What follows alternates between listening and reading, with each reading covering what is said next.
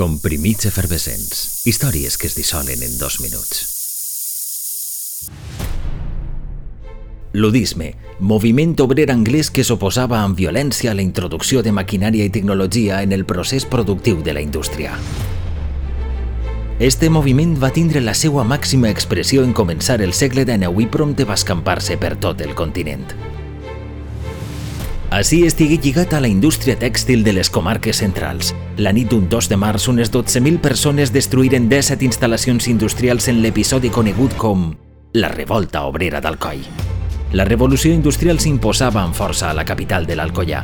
La implantació de les màquines de cardar i filar incrementava la producció a nivells impensables abans però aquella millora per alguns suposava una catàstrofe per a altres. Els operaris especialitzats eren substituïts per maquinària que compensava l'activitat d'entre 100 i 200 persones. Hi hagué un temps en què l'àrea d'influència econòmica d'Alcoi s'escampava a moltes poblacions com ara Muro, Benilloba o Cosentaina. Però la mecanització dels processos de producció va assumir-los en un carreró sense eixida. Aquella nit els treballadors empobrits s'alçaren i destrossaren la maquinària que pensaven havia acabat amb el seu mitjà de vida. Els disturbis foren reprimits per l'exèrcit. Moltes persones foren empresonades i fins i tot algunes moriren a causa de les condicions inhumanes de la seva reclusió.